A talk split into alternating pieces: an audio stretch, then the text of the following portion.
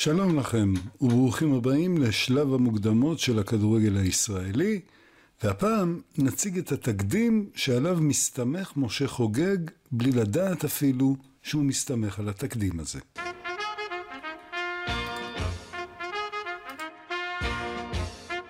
שלב המוקדמות מודי ברון והדוקטור עומר עינב במסע אל העבר של הכדורגל הישראלי.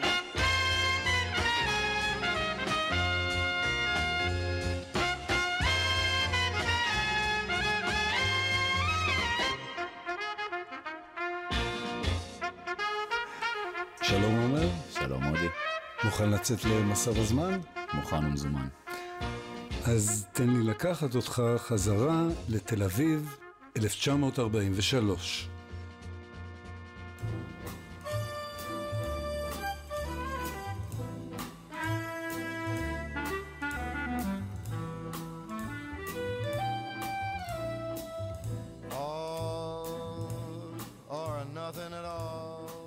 הכל או לא כלום של פרנק סינטרה היה להיט גדול ב-1943, ובוודאי היה חביב על יושבי קפה לנצ'נר ברחוב שנקין, מעוזם של האנשים שמאמינים בהכל או לא כלום בתל אביב, אנשי בית"ר בפרט והתנועה הרוויזיוניסטית בכלל. אז בואו נמצא לנו כאן שולחן רחוק מספיק מאיש הבולשת הבריטית שפוקח עין ואוזן, למרות שעכשיו בימי מלחמת העולם האצ"ל השבית את לחימתו בבריטים. נזמין לנו פעמיים קפה, איזו פרוסה של עוגת טורט, ונעיין בעיתון שקוראים כאן בלנצ'נר.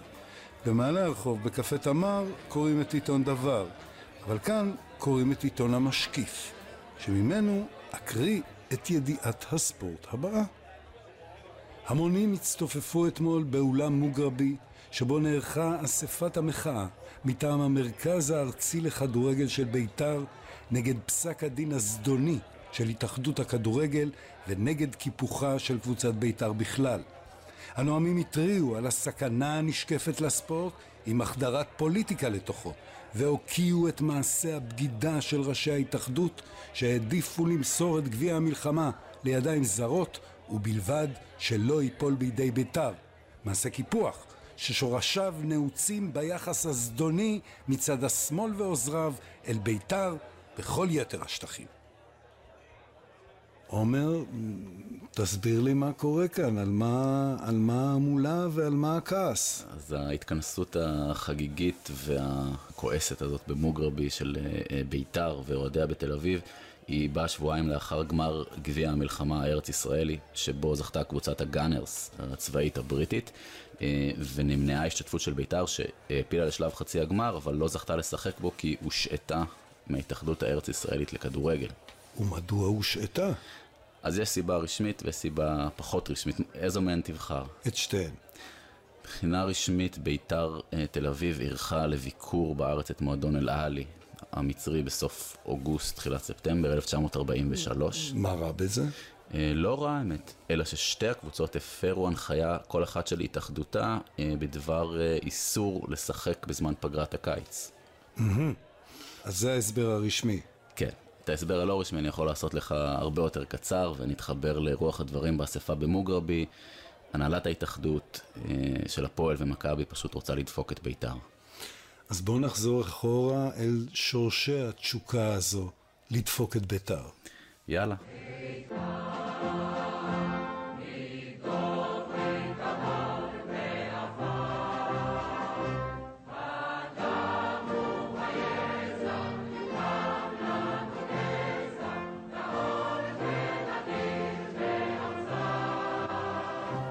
בית"ר אה, הוקמה עוד בתחילת שנות ה-20, ז'בוטינסקי, ולא נגולל פה את כל תולדות התנועה הרוויזיוניסטית, אבל, אבל מבחינה ספורטיבית, אה, בית"ר אה, במשך הרבה שנים הייתה מסונפת בעצם למכבי, מכיוון שלמדנו בשיעורים הקודמים שיש מכבי ויש הפועל, ואתה צריך להיות מסונף לאחד מה, מהמרכזים האלה, ובית"ר פעלה בחסות מכבי בעצם בשנות ה-20, גם בתחילת שנות ה-30.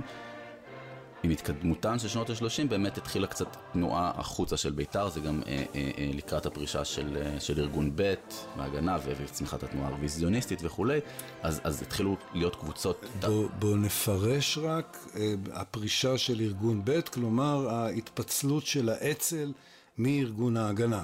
נכון, ויצירת אה, פלג מובחן גם, אה, דיברנו על האצ"ל וההגנה, אבל גם בהסתדרות הציונית והעשייה של ז'בוטינסקי, ובאיזושהי אה, הבחנה של הרוויזיוניסטים מהמיינסטרים הציוני של מפא"י ותנועת העבודה. הרוויזיוניסטים פורשים. עוד לפני כן, אם נחזור למגרש הכדורגל, יותר נכון למועדוני הכדורגל הקטנים, אז יש קבוצות תחת השם טרומפלדור, בית"ר, או דברים כאלה שהם תחת מכבי.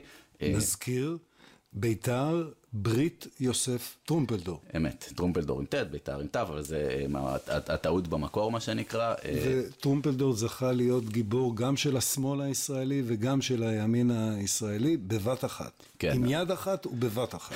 וכמובן הריב על ניכוס הנכס הזה בדמות טרומפלדור, אבל בית"ר באמת דווקא במיתוס הזה.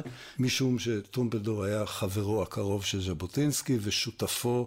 לגדוד נהגי הפרדות במלחמת העולם הראשונה. כן, המיתולוגי.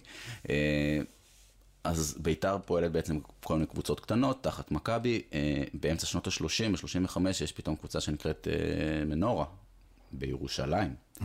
וזה גלגול מוקדם מאוד מאוד מאוד מאוד של בית"ר ירושלים. אבל זה לא מאוד משמעותי, יש שם קבוצה של צעירים שמשחקת וזה נחמד ו- ויש קצת קל, אבל זה לא משהו שהותיר חותם ברמה הארצית. אבל לקראת סוף שנות ה-30, הזכרת 37 ועדת פיל, לקראת סוף שנות ה-30 קורה משהו דרמטי. לפעמים פשוט בקבוצת כדורגל מתלכדים שחקנים טובים, שפתאום באים ויוצרים לך קבוצה אה, שלא ציפית. והפרישה של האצ"ל וכולי, גרמה גם לתנועה של אנשים שהאמינו בבית"ר והאמינו באידיאולוגיה הבית"רית לכיוון בית"ר, בעיר המרכזית שבה משחקים כדורגל, תל אביב. ובית"ר תל אביב בשנים 37-38 משחקת בליגה המחוזית, הליגה השנייה, וקורעת הצורה לליגה. יש שם שילוב של שחקנים מוכשרים מהשכונות, גם משכונות הספר בתל אביב, יוצאי ארצות אסלאם, גם עולים חדשים. והם, שזה שחקנים שהגיעו ישר לביתר תל אביב, או שחקנים שעייפו מהוויכוחים הפוליטיים בחדר ההלבשה של הפועל או מכבי, והלכו... לשחק עם, עם החבר'ה שלהם. זהו, אז המקרה המובהק בדיוק של התופעה שאתה ציינת מתרחש ב-1939. הכוכב הענק של מכבי תל אביב, נתן פאנץ, אה, אה, שנסע איתו לחו"ל, והוא גם שחקן של נבחרת ישראל, וב-39 כשמכבי ארץ ישראל, שזה בעיקר מכבי תל אביב, אה, עומדת לנסוע לאוסטרליה, פאנץ, איש לאומי, גאה ורוויזיוניסט, אומר, נמאס לי, הופך שולחן ועובר לביתר תל אביב, אז בליגת המשנה ב-39. רק אז הסכימו בהתאחדות, הפועל ומכבי, לאפשר לביתר להפיל לליגה הראשונה, הליגה הארצית. ואז פאנץ מגיע. וביחד עם פאנץ מגיע אה, ארנסט ויינברגר, ורמש, שהוא כוכב ענק שבא מלבסקי סופיה והופך להיות אחד השחקנים הכי גדולים בארץ בשנות ה-40, אה, אה, קפטן של בית"ר ושל הנבחרת, אה, ופאנץ וורמש ביחד עם עוד אה, צעירים שמשחקים בקבוצה הזאת, הרבה כוכבים יש שם, הם הופכים את בית"ר בעונתה הראשונה בליגה הארצית לקבוצה הכי טובה בארץ, וזוכים בגביע ב-1940 כולל ניצחון בדרבי 3-1 על מכבי תל אביב. אז בית"ר עושה חיל על הדשא, אבל מה מצבה על השולחן הירוק, כפי שקוראים לזה באספת המחאה? המצב שם אה, עגום הרבה יותר, העלייה הספורטיבית האדירה, מה שהנסיקה של בית"ר לא מתרגמת לכוח בהתאחדות, ההתאחדות אה, נשארת ב-50-50 המסורתי של מכבי והפועל, שני המרכזים הגדולים שלא מפסיקים לריב ביניהם, אבל מכיוון שאנחנו חוזרים שוב ושוב לריב הזה בין הפועל ומכבי, בואו רק נזכיר אה, את מי הן מייצגות פוליטית. זאת אומרת, הפועל, הפועל מייצגת את אה, אה מפלגת העבודה, מפא"י, את מפלגות העובדים השונות. מכבי מייצגת את מי? את הציונים הכלליים. כן, הציונים הכלליים, אתה תיקח את זה לימינו, נקרא לזה ממש בכותרת כללית, מפלגות המרכז, המחנה האזרחי, אה, אה, כן, האוכלוסייה יותר עירונית. המפלגה של חיים ויצמן. כן, או בתרגום למונחים ארץ ישראלים, בערים והמושבות, ויותר מאוחר שקמה המדינה, באמת הכוח הבורגני יותר. אה, היום ההגדרות האלה כבר לגמרי מטושטשות, אבל אז הייתה לזה משמעות, והריבים ביניהם לא פסקו באמת גם על רקע אידיאולוגי, אה, של ספורט הפועלים נגד הספורט הבורגני, ומה מותר ומה אסור, והאם משלמים כסף לשחקנים או לא משלמים.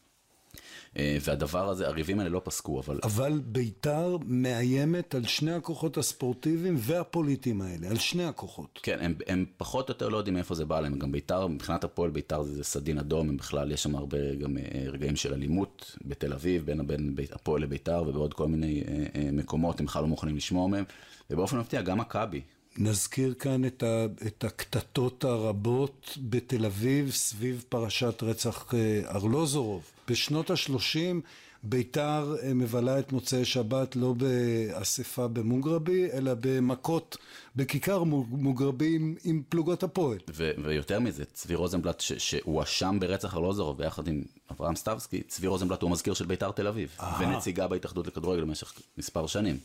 הקשר הוא, הוא בלתי ניתק, כלומר זה, זה ממש ספורט ופוליטיקה הולכים אה, אה, יד ביד, וביתר עולה וצריכה לקבל ייצוג בהתאחדות, אבל היא לא מקבלת אותו. וקורה דבר מעניין שבמקביל לביתר, אנחנו נמצאים בתחילתה של מלחמת העולם השנייה, 39-40. היחסים בין יהודים לערבים בארץ משתפרים, פשוט מהטעם הפשוט שיש פתאום יותר עבודה. העורף הבריטי מגיע לפה, העורף של המזרח התיכון ואלפי חיילים שנמצאים פה, יש משהו חשוב יותר וגדול יותר ואויב אחר. יהודים וערבים מסתדרים טוב יותר. החברה הערבית גם אחרי מה שקרה לה במרד, אה, במאורעות תרצ"ו תרצ"ו, 36-39, היא מפורקת לגמרי, והיא מחפשת איזשהו אה, לבב להתעלות בו כדי להשתקם. וזה מתבטא גם בכדורגל. וקבוצות ערביות מגיעות להתאחדות הארץ ישראלית לכדורגל. בהתחלה מחיפה, גם מיפו, גם מירושלים. ואז בעצם לא רק ביתר שוברת את האידיליה הלא אידילית בין מכבי להפועל, גם הקבוצות הערביות. והייצוג של ביתר ושל המועדונים הערבים הוא שווה. נציג אחד לכל, לביתר, נציג אחד למועדונים הערבים. ו... לעומת כמה נציגים למכבי הפועל? חמישה וחמישה. חמישה הפועל, חמישה מכבי, אחד ביתר, אחד ערבים. כן, וההתייחסות אליהם היא דומה, אתם רואים פרוטוקולים מהתקופה של, של ישיבות אה, מזכירות הפועל, מתייחסים אליהם, כאילו כל הזמן אומרים ביתר וערבים, ביתר וערבים. עכשיו, ב... אנחנו מסתכלים על זה עכשיו, אנחנו ב-2020. אה, הקישור הזה בית"ר וערבים, יש לו משמעות אחרת. כן, כלומר, אתה, זה נשמע, באמת תפס כל מיני כיוונים אחרים, ערבים ומוסלמים, ובכלל זה, זה הפך סוג של טאבו, אבל... אבל בשנות ה-40 זה בעצם ברית, ברית של מיעוטים.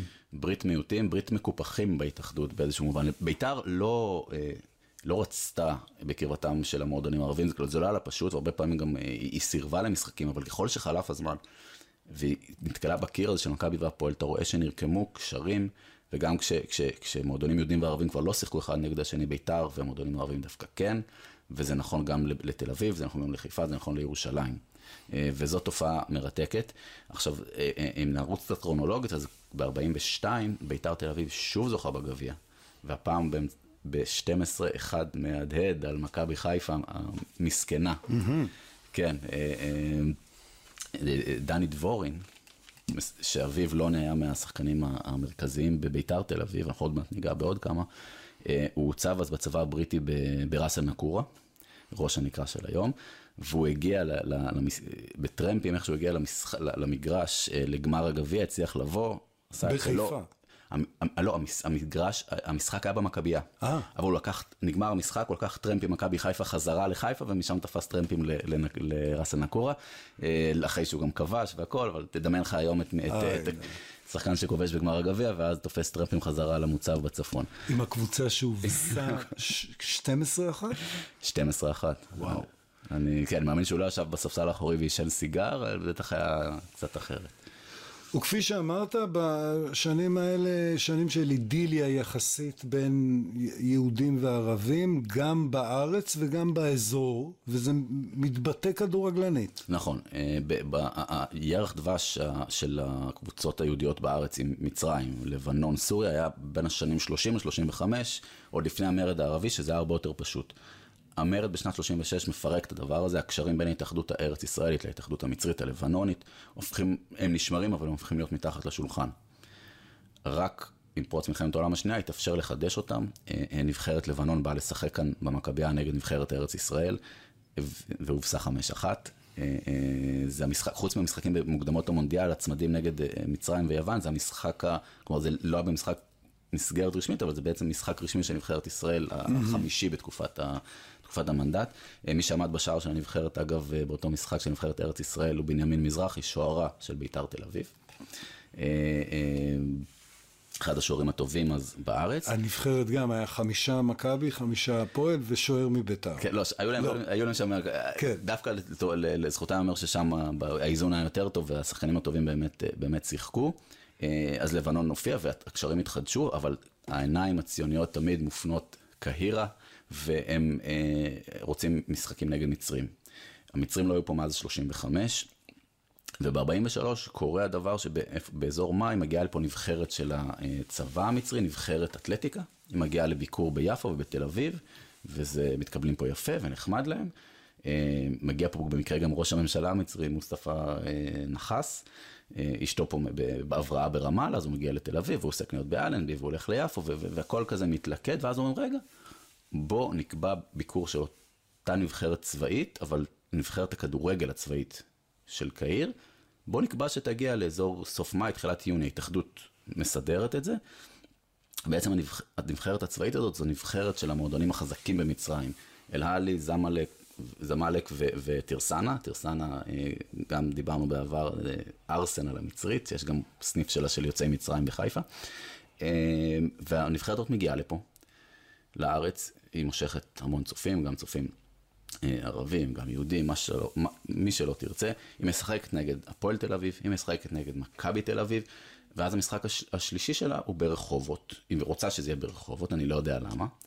וההתאחדות טוענת שהיא מציעה את זה לביתר, אבל לביתר זה לא מתאים וביתר לא רוצה. ואז נערכים עוד שני משחקים חזרה בתל אביב, בסוף מתארגנת שם קבוצה של אה, מכבי רחובות ונס ציונה, חוזרים לתל אביב לעוד משחק של הנבחרת המצרית נגד נבחרת צבאית עברית של, של הבריגדה, של הגדודים של הבריגדה, והמשחק האחרון הוא של הנבחרת המצרית נגד נבחרת תל אביב, שזה הפועל מכבי וגם ביתר. הפרשה הזאת מסתיימת, הכל טוב ויפה. לא. הכבוד הבית"רי נרמס. בית"ר לא זכתה למשחק לבד נגד הקבוצה המצרית, וזה אה, אה, לא ראוי בעיניה, זה המועדון שנתפס כהכי טוב בארץ, וייתכן מאוד שהוא באמת היה הכי טוב בארץ אז, אה, אה, מחזיקת הגביע. הם לא היו מרוצים מזה ואמרו, אנחנו חייבים לעשות מעשה. אה, אל-עלי, המועדון המצרי, עד היום, אה, אחד משני המועדונים המצריים הגדולים אה, במדינת כדורגל מושבעת, נמצאת באיזה סיבוב בטורקיה, באזור יולי, בית"ר מנסה לסגור איתה, כבר סוגרת איתה שתעבור פה בחזרה. זה מתפקשש, כמו שהרבה דברים מתפקששים בתקופה הזאת, אבל הם לא נואשו כמובן, והם הצליחו לקבוע לסוף אוגוסט ביקור של אל-עלי. זה, זה היה יותר מאל-עלי, זה היה, אה, קראו לזה אה, נבחרת כוכבי קהיר, זה סוג של אל-עלי מחוזקת. נקבע, נקבע שיבואו בסוף אוגוסט לתל אביב, למשחק, משחקים אה, בארץ. והדבר הזה קורה.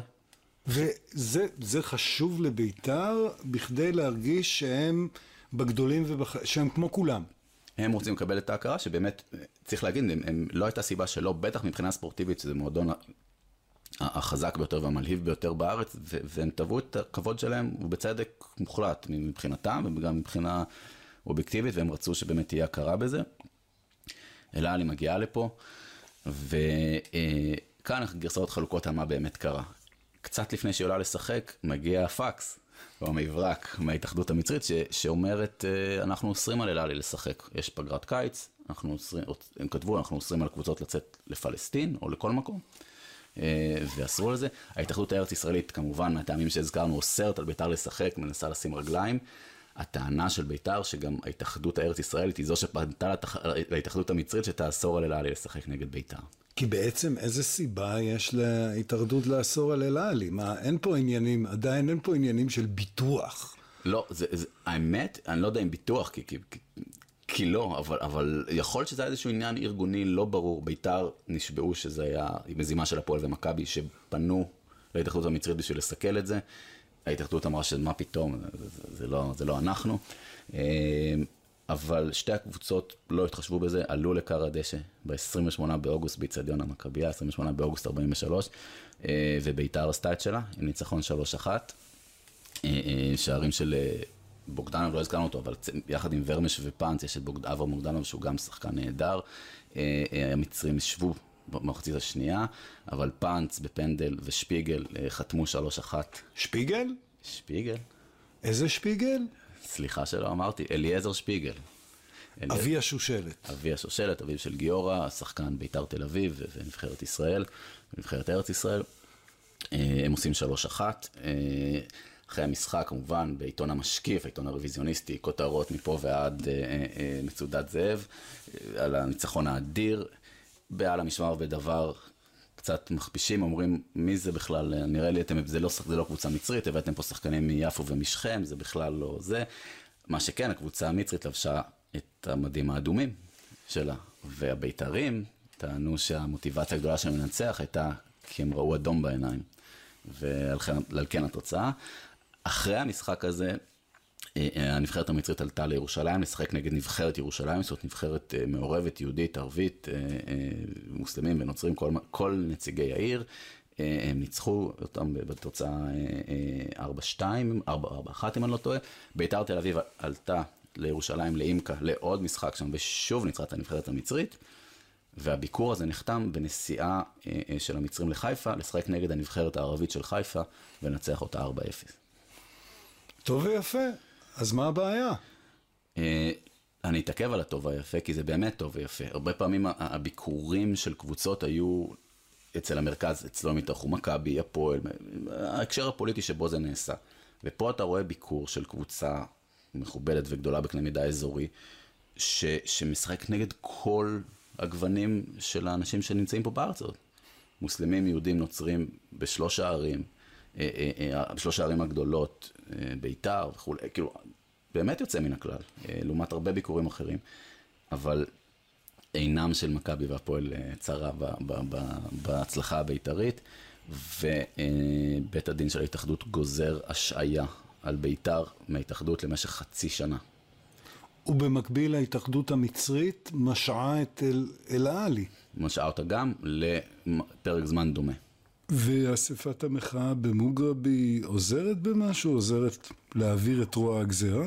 כן, האספה יוצרת לחץ אה, די גדול על ההתאחדות, וכעבור חודש וחצי אה, בית הדין ממתיק את העונש, אומר שביתר יכולה כבר לחזור למפעלים של ההתאחדות לפני תום חצי שנה, אם היא משחקת נגד קבוצות מורשות של ההתאחדות הארץ-ישראלית. אבל הגביע של 1943 כבר הוחמץ. ברוך אומץ, מחזיקת הגביע, ביתר תל אביב, היא הופכת להיות היוצאת, אה, בגלל ש- שהיא הייתה אמורה לשחק בחצי הגמר נגד הפועל ירושלים, מה שהיה נגמר קרוב לוודאי בניצחון מוחץ של ביתר, ואז אה, אה, בגמר הגאנרס, הבריטים אה, מחיפה, אה, היו אמורים להתמודד מול ביתר, בסוף הם ניצחו ניצחון קל את הפועל ירושלים, וביתר אה, נגזל ממנה הגביע, אבל כן גם באמת הסערה הזאת, שבועיים אחר כך, שבועיים אחר כך מתקיימת האספה במוגרבי, בסערת הנפש, לא רק שהדיחו את ביתר, הם אומרים, הפועל ומכבי מעדיפים לראות בריטים מניפים גביע, מאשר שביתר תניף גביע.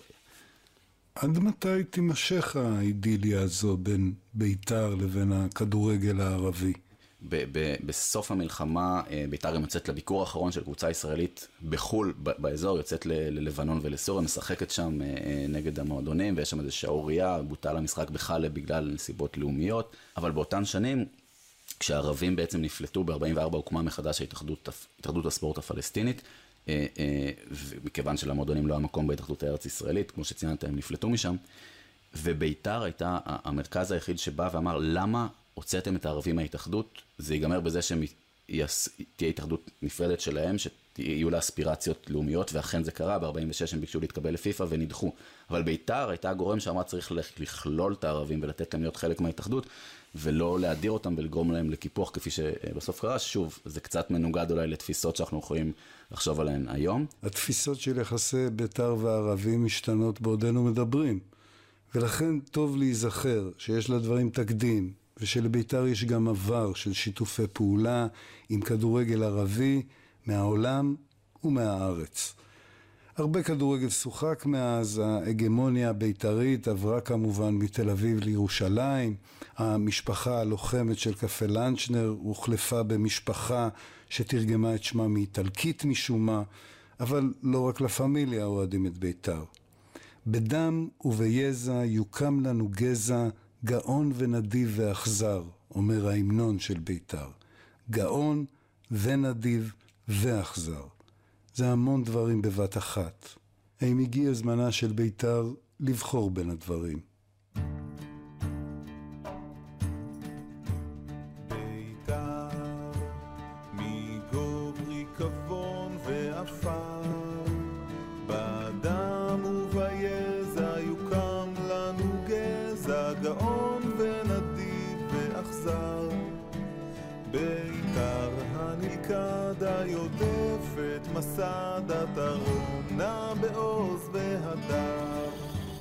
תודה עומר. תודה מודי. תודה גם ליוסי פרץ מביאליק מיוזיק על פס הקול. נתראה בקרוב בעוד פרק משלב המוקדמות, ועד אז אתם מוזמנים להקשיב לשאר ההסכתים המעולים כאן באפליקציית חמש רדיו. להתראות. נוצרת בן מלך בכתר דוד נעתר זכור את הכתר עטרת גאון ותגר